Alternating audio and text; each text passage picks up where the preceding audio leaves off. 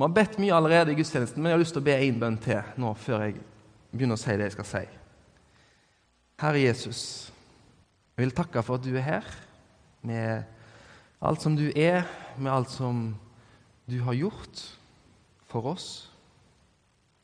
Må du komme med din Hellige Ånd nå og lede oss og hjelpe oss alle sammen til å lytte til vårt hjerte, lytte til ditt hjerte. Og så må du lede det jeg skal si, og det vi hører, sånn at Faderen blir herliggjort gjennom Jesus Kristus. Amen. Denne høsten, ganske mange av søndagene, så går vi gjennom bergprekenen her i Misjonskirka. Og bergprekenen som eh, vi tar oss av nå, den begynner i Matteus kapittel 5, og 6 og 7. Og Den begynner med saligprisningene, som kanskje de aller fleste har hørt. Salig er de som er fattige i ånden, for himmelriket er deres. Og Så kan du kanskje si lykkelig istedenfor salig. Lykkelig er de som sørger, for de skal trøstes. Salig er de ydmyke, for de skal arve jorden. Salig er de som hungrer og tørster etter rettferdigheten, for de skal mettes. Og så fortsetter det. Dette, saligprisningene, det er på en måte Jesus sitt manifest for en kristen motkultur. Dette er inngangsporten til bergprekenen, og så er det inngangsporten til etterfølgelsen av Jesus. Og Så har vi kommet til kapittel 6 i dag. Og Her begynner Jesus i begynnelsen av kapittel 6 med å ta opp tre praksiser, tre handlinger, som var veldig vanlig for jødene sin religionsutøvelse på den tida. Og det var å gi gaver til de fattige, almisser. Det var bønn, og det var faste. Altså Gi gaver til de fattige, bønn og faste. Og Grunnen til at han tar det opp, er at han vil si noe om det her nå. Så vil han si noe om hva holdning vi skal ha når vi gir, når vi ber, og når vi faster, eller avstår fra ting. Og Videre utover i kapittel 6 så sier han berømte ord om at vi ikke skal samle skatter på jorden. Videre så har vi flere gullkorn på rekke og rad. At der ditt hjerte er, der er din skatt. Og At vi ikke skal bekymre oss for livet og morgendagen. Fordi Gud vet hva vi trenger, og sørger for oss i dag. Så Her er det veldig mye kjent, veldig mye bra, så jeg anbefaler deg egentlig til å lese gjennom kapittel 6 i Matteusevangeliet. Når du kommer hjem, eller når det passer for deg, for å få med deg helheten. Men i dag da, så er hovedteksten de fire første versene. Vers 1-4. Det skal vi lese sammen. Er dere med på det? Pass dere for å gjøre gode gjerninger for øynene på folk, for å bli sett av dem. Da får dere ingen lønn hos deres far i himmelen. Når du gir en gave til de fattige, skal du ikke utbasunere det, slik hyklerne gjør, i synagogene og på gatene for å bli æret av mennesker. Sannelig, jeg sier dere, de har alt fått sin lønn. Når du gir en slik gave, skal ikke den venstre hånden vite hva den høyre gjør, for at det kan være en gave i det skjulte. Og din far, som ser i det skjulte, skal lønne deg. Bra. Når jeg har lest gjennom Matteus kapittel 6, og når jeg har lest dagens tekst, så sitter jeg igjen med et par spørsmål som jeg har lyst til å ta dere med inn i. Og Det første er hva definerer mitt liv? Hva eller hvem definerer eller bestemmer hvordan mitt liv skal være, og hvordan jeg skal leve? Vi pleier gjerne å si at det er kun Gud som kan definere seg sjøl. Bare Gud kan si 'jeg er den jeg er'. Det er en del av hans vesen. Mennesket derimot, vi er skapt, vi er begrensa, og må derfor defineres av noe. Det er noen andre som må se meg. Altså, Jeg må spørre noen andre hvem er jeg Og På en måte så begynner jo dette her når vi er bitte små, når vi er babyer. Når vi speiler oss sjøl i øynene til mamma og pappa og på en måte spør 'Hvem er jeg?' Og så blir vi synlige eller usynlige ut ifra om mamma og pappa ser og bekrefter, eller om mamma og pappa ikke ser og ikke bekrefter ting i livet vårt. Og Det er sånn at det som de bekrefter, det blir sterkt og godt. Mens det de ikke bekrefter, legger vi gjerne vekk og skjuler. Bevisst eller ubevisst. Det kan være interesser vi har, det kan være vurderinger vi tar. Det kan være følelser vi kjenner på. Mamma og pappa gir meg viktig bekreftelse når jeg er liten, når jeg vokser opp. Og så er det noe litt begrensa. For det er ikke bare de som bekrefter oss. Når vi vokser opp, så blir vi tenåringer. Og så tar vi til oss mer og mer av bekreftelsen fra kompisene våre, fra vennene våre, fra andre tenåringer, fra gjengen vår. Og så får man kanskje en felles stil eller en musikksmak. Og hele tida søker vi bekreftelsen. Si meg hvem jeg er. Bekreft meg. Etter hvert så definerer vi oss ut ifra hvem vi hører til. Jeg sier ja, jeg heter Gordon, jeg er sønn til ja. Eller ja, Gordon Valen, jeg er pappaen til osv. Eller jeg er Gordon, jeg hører til det her laget. Jeg er en del av denne subkulturen. Og Så vokser vi opp eh, enda mer, får utdanning, jobb. Og så Ja, hvem er du? Jo, jeg, eh, jeg har det her yrket.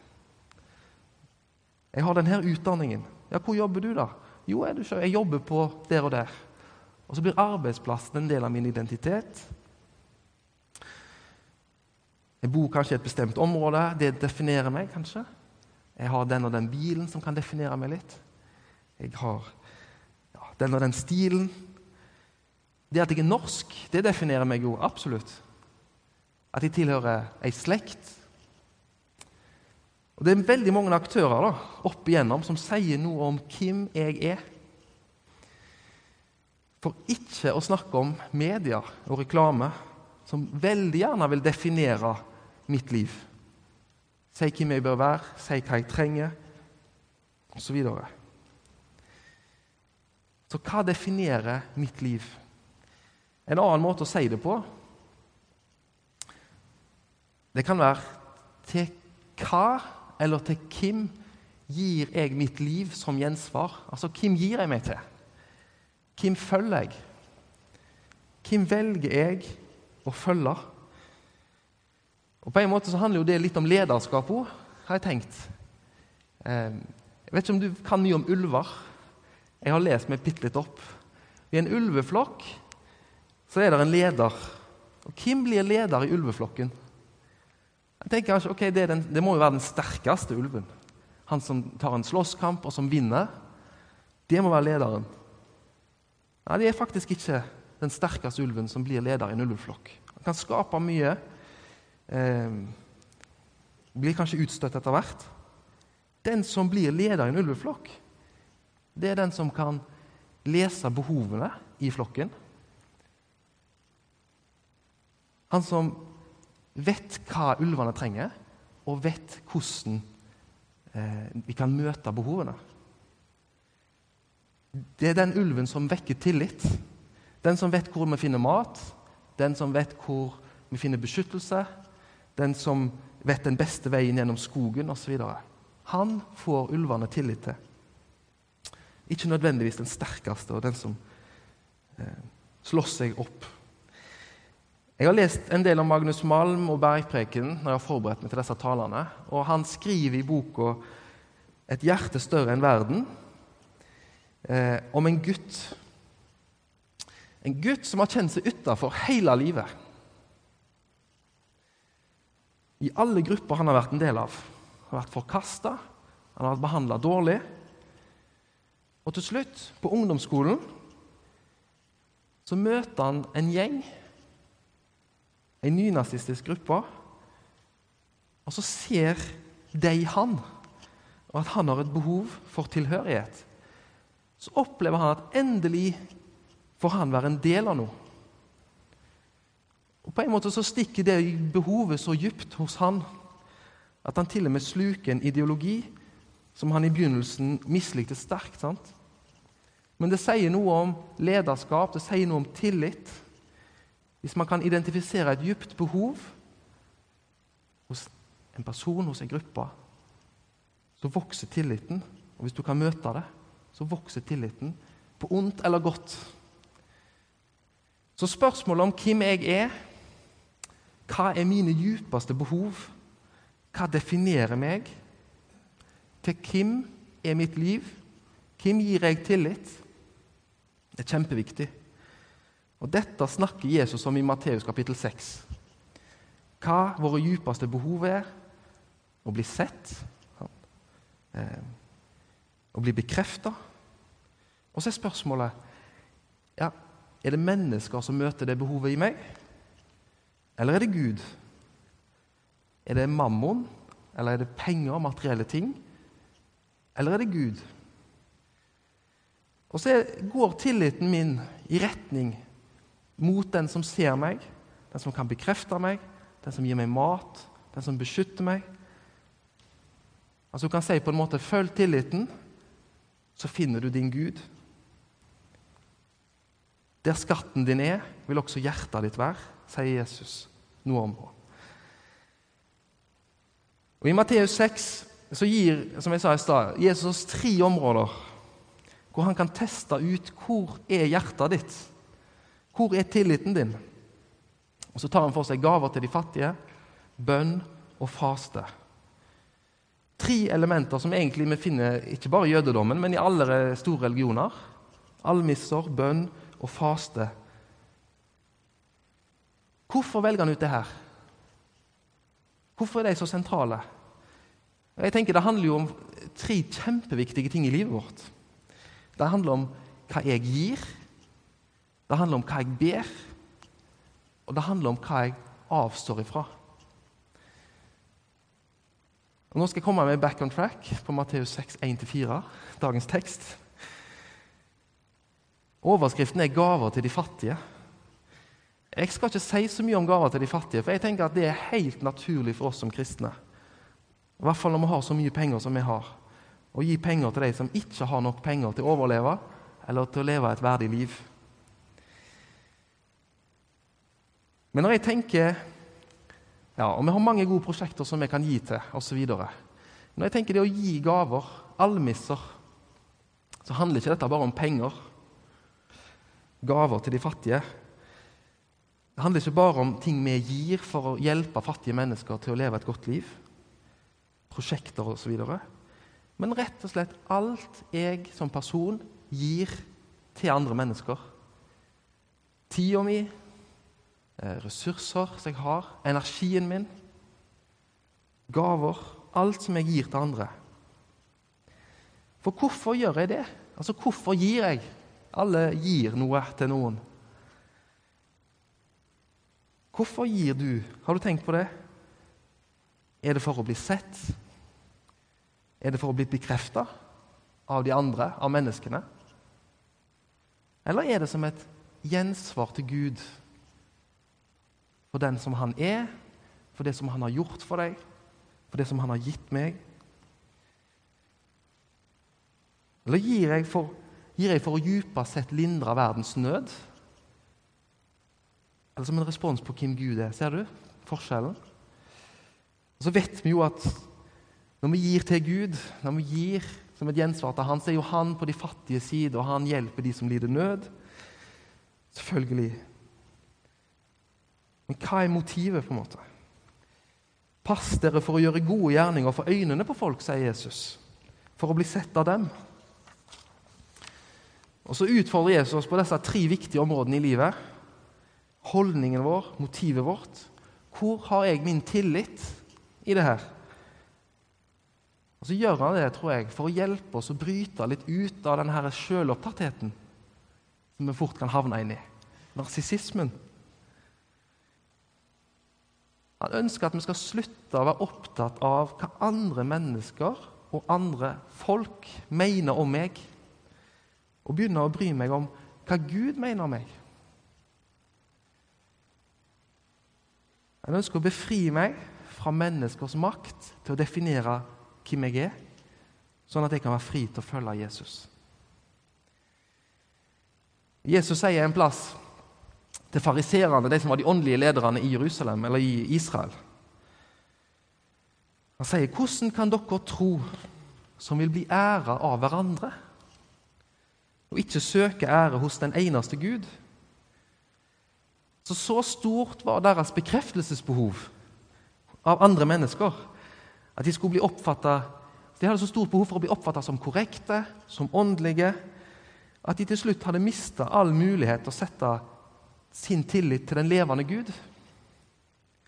All tillit var til mennesker, til systemet, til gruppa. Og så er det en kjent historie om Nikodemus, som var en av de fariseerne bryter seg ut av det der mønsteret på natta og går til Jesus. Han smyger seg på en måte ut av den gruppeidentiteten som han merker holder på å ta livet av han, kvele han. Han lengter etter en djupere identitet. Og så er det Jesus som drar han til seg, og så kjenner han at det er jo dette jeg trenger. Det er jo dette jeg vil gi mitt gjensvar til. Det er jo Jesus jeg vil skal definere mitt liv. Et uttrykk som går igjen i hele kapittel 6 i Matteus, og òg her, er det skjulte. Når du gir en slik gave, skal ikke den venstre hånda vite hva den høyre gjør, for at det kan være en gave i det skjulte. Og din far, som ser i det skjulte, skal lønne deg. Hva er det skjulte for noe, da? Hva er det for noe? Det skjulte er jo, tenker jeg, det vi ikke ser. Det kan være fortida vår, f.eks. For det, det, det må være få ting som har så stor makt over oss som fortida vår, som historien vår. Oppveksten vår, det som har skjedd gjennom livet, bakover i tida. Det kan ha enormt stor makt over livet mitt i dag, over hvordan jeg lever i dag over relasjonene mine. Så fortida, det må være en del av det skjulte. Altså, Det indre livet, det ser vi jo heller ikke. Det er en del av det skjulte. Det er mye i vårt indre liv som vi ikke har anelse om, tror jeg. En jesuittmunk som heter Hughes, han har sagt at vår bevissthet om det indre livet er bare toppen av det indre livet. Kanskje er vi bare bevisste på 10-15% av vårt indre liv. Det meste ligger i det skjulte. Og Så har du hele den åndelige verden, selvfølgelig. Det ser vi ikke. Engler og demoner. Alt vi ikke ser. Det er en del av det skjulte. Men så har du òg andre mennesker. Mennesker vi ikke ser, på en måte. Mennesker vi ikke har kontroll over. Mennesker vi ikke kan styre, folk andre plasser. Det vi ikke har direkte kontakt med, som vi ikke kan se. Og ikke minst framtida. Den ser vi ikke. Vi håper ting, vi tror ting, vi tenker ting, men vi ser den ikke. Den er skjult. Og Hvis vi tenker sånn om det skjulte, så virker det som om det aller meste i livet er det eh, skjulte. Fortida vår, historien vår, vårt indre, den åndelige verden, hva andre mennesker holder på med og tenker og gjør. Framtida. Det er utrolig mye i livet som ligger utafor synsfeltet og er skjult. Og jeg tror at Ofte så blir vi så drevet av det usynlige. Vi blir drevet av det skjulte. Nå tror vi kanskje at ok, i 2016 så I vår del av verden, som er, som er så materialistiske, vi som er så opptatt av konkrete ting At vi ikke er opptatt av det skjulte og usynlige. Men jeg tror kanskje det er motsatt. At vi blir drevet veldig mye av det vi ikke kan se, det som er skjult. Alt det vi ikke ser. Vi frykter det, Vi analyserer det, vi planlegger for det, vi forsvarer oss mot det fordi vi kan være redde for det. Og det lekker utrolig mye energi for at vi skal forholde oss til det skjulte. Fordi vi frykter det kanskje. Vi stoler ikke på det. Og så er Paradokset kanskje da at vi klamrer oss ikke fast til det synlige fordi vi tror på det usynlige. Vi klamrer oss fast til det synlige fordi vi frykter det usynlige, kanskje. Og så er det akkurat der, på det svake punktet i livet vårt, at Jesus kommer inn med evangeliet, med nåden, og sier Din far er i det skjulte. Din far, Gud, er i det skjulte. Så det skjulte er altså ikke farlig. Faderen er jo der. Og han er mye sterkere enn de onde maktene. Han vil meg vel. Og Dette vender tilbake gjennom hele bergprekenen.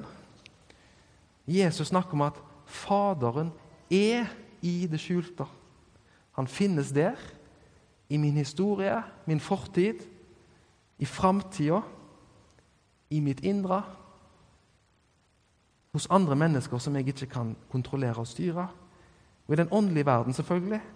Faderen er i alt det skjulte.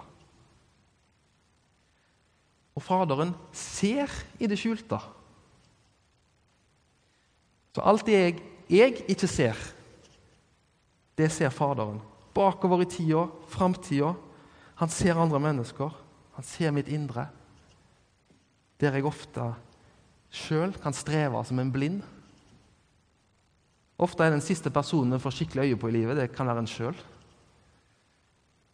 Men Faderen er i det skjulte. Og Faderen ser hva som finnes her inne.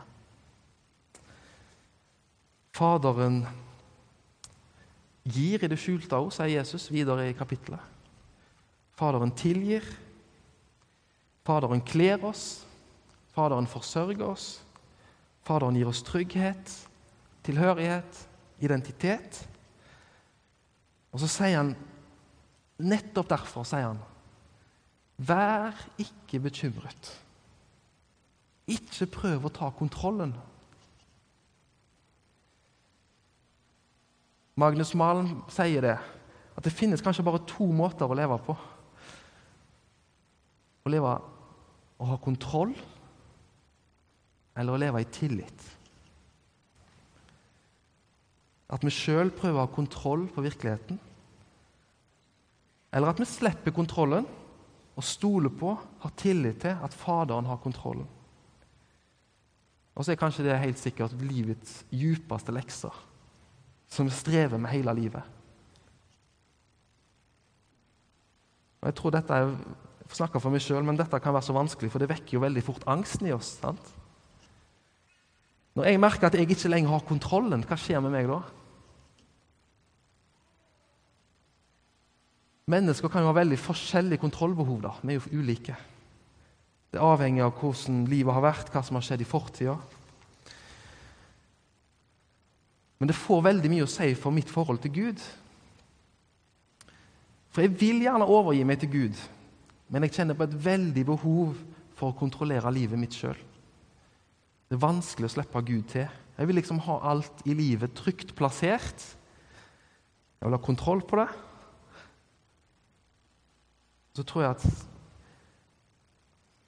vi kan oppleve at hvis vi bare gir litt av slipp, så vil Den hellige ånd hjelpe oss veldig tålmodig i denne prosessen, sånn at vi kan ta et lite skritt i tillit om gangen.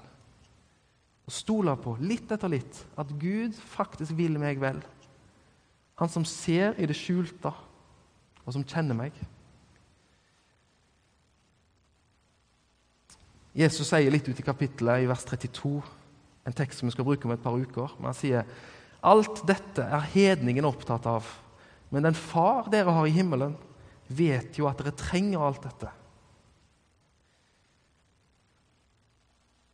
Jeg sa to måter å leve på, kanskje. At en har kontroll, eller at en lever i tillit. Enten så lever vi som om vi jager noe, kan en nå si. eller så lever vi som om vi tar imot. Jeg skulle gjerne ha praktisert troa mi mer. det, hører du av til noen som sier. Jeg skulle gjerne ha praktisert troa mi mer. Og på en måte så tror jeg at vi alltid praktiserer troa vår. Jeg tenker at Hvis en lever livet, så vil en se hvor er min tillit. Det går an å leve la oss si, som praktiserende ateist. Da lever jeg livet som om det bygger på meg, som om det hva jeg gjør, hva jeg planlegger, hva jeg får til. Eh, da lever jeg livet etter hva jeg ordner, hva jeg kontrollerer, hva jeg styrer. Og Da er det til sjuende og sist meg sjøl det kommer an på. Og Så kan jeg godt tro på Gud, jeg kan godt gå i kirka. Men djupest sett er det meg sjøl jeg stoler på. Hvis jeg ikke gjør noe, så skjer det ingenting. Å ta imot, derimot, å leve mottagende, det handler om å leve som om noen andre har kontrollen. Å leve som om Faderen faktisk er i det skjulte. At han ser hva jeg trenger. Og han gir meg det jeg trenger. Han definerer mitt liv, ikke alle rundt meg. Sånn er det å leve i tillit. Og Så kan vi få lov til å leve livet med blikket festet mot Jesus og gjøre de gode gjerningene. Ikke for å få bekreftelse fra folk, sånn at de skal definere meg hvem jeg er, men fordi at Jesus han er den som ser meg. Han er den som definerer meg. Ja. Så hvis du tenker etter, da, hva definerer ditt liv? Hvem definerer ditt liv? Hvem bestemmer hvordan du lever? Hva vil du djupest med ditt liv? Hvor vil du ditt hjerte skal være? Vil du at ditt hjerte skal være hos Gud? Ja, Da må du gjøre det litt avhengig av ham. Da må du ha tillit til ham. Han som ser i det skjulte. Han som er der. Og så må du la han få definere ditt liv. La han få være hovedbekreftelsen i livet ditt. La han få bli kilden til din identitet, din trygghet, din tilhørighet. Da kan det være du tenker at ja, men Gordon, du vet ikke. Du aner ikke alt som er i mitt skjulte. Nei, det er sant, jeg gjør ikke det. Så sier du kanskje ja, men vet du, det her det går faktisk ikke an å fikse opp i det. Og Da har jeg lyst til å si, vet du, Faderen er der i hvert fall. Og Faderen ser i hvert fall. Han vil deg bare godt. Og han kan fikse det om du slipper han inn. Vi ber sammen. Takk, himmelske Far, for ditt ord som du møter oss med. Og takk, Far, for at du kjenner oss veldig godt, alle sammen. Og du ser meg, hver enkelt av oss, og du ser hvordan vi har det. Du ser hva som er i det skjulte. Historie, fortid, framtid. Alt, Herre. Du ser om vi har behov for å ta kontroll sjøl. Du ser hvor vi er på veien i forhold til å gi deg tillit, Jesus. Jeg ber om at du skal være med oss alle sammen. Og hjelpe oss å leve i tillit til deg. At vi lever livet vårt ikke for å få bekreftelse av alle andre, men at vi lever livet vårt men at du kan definere livet vårt i tillit til deg, at du vil oss vel. Velsign oss, Jesus. Amen.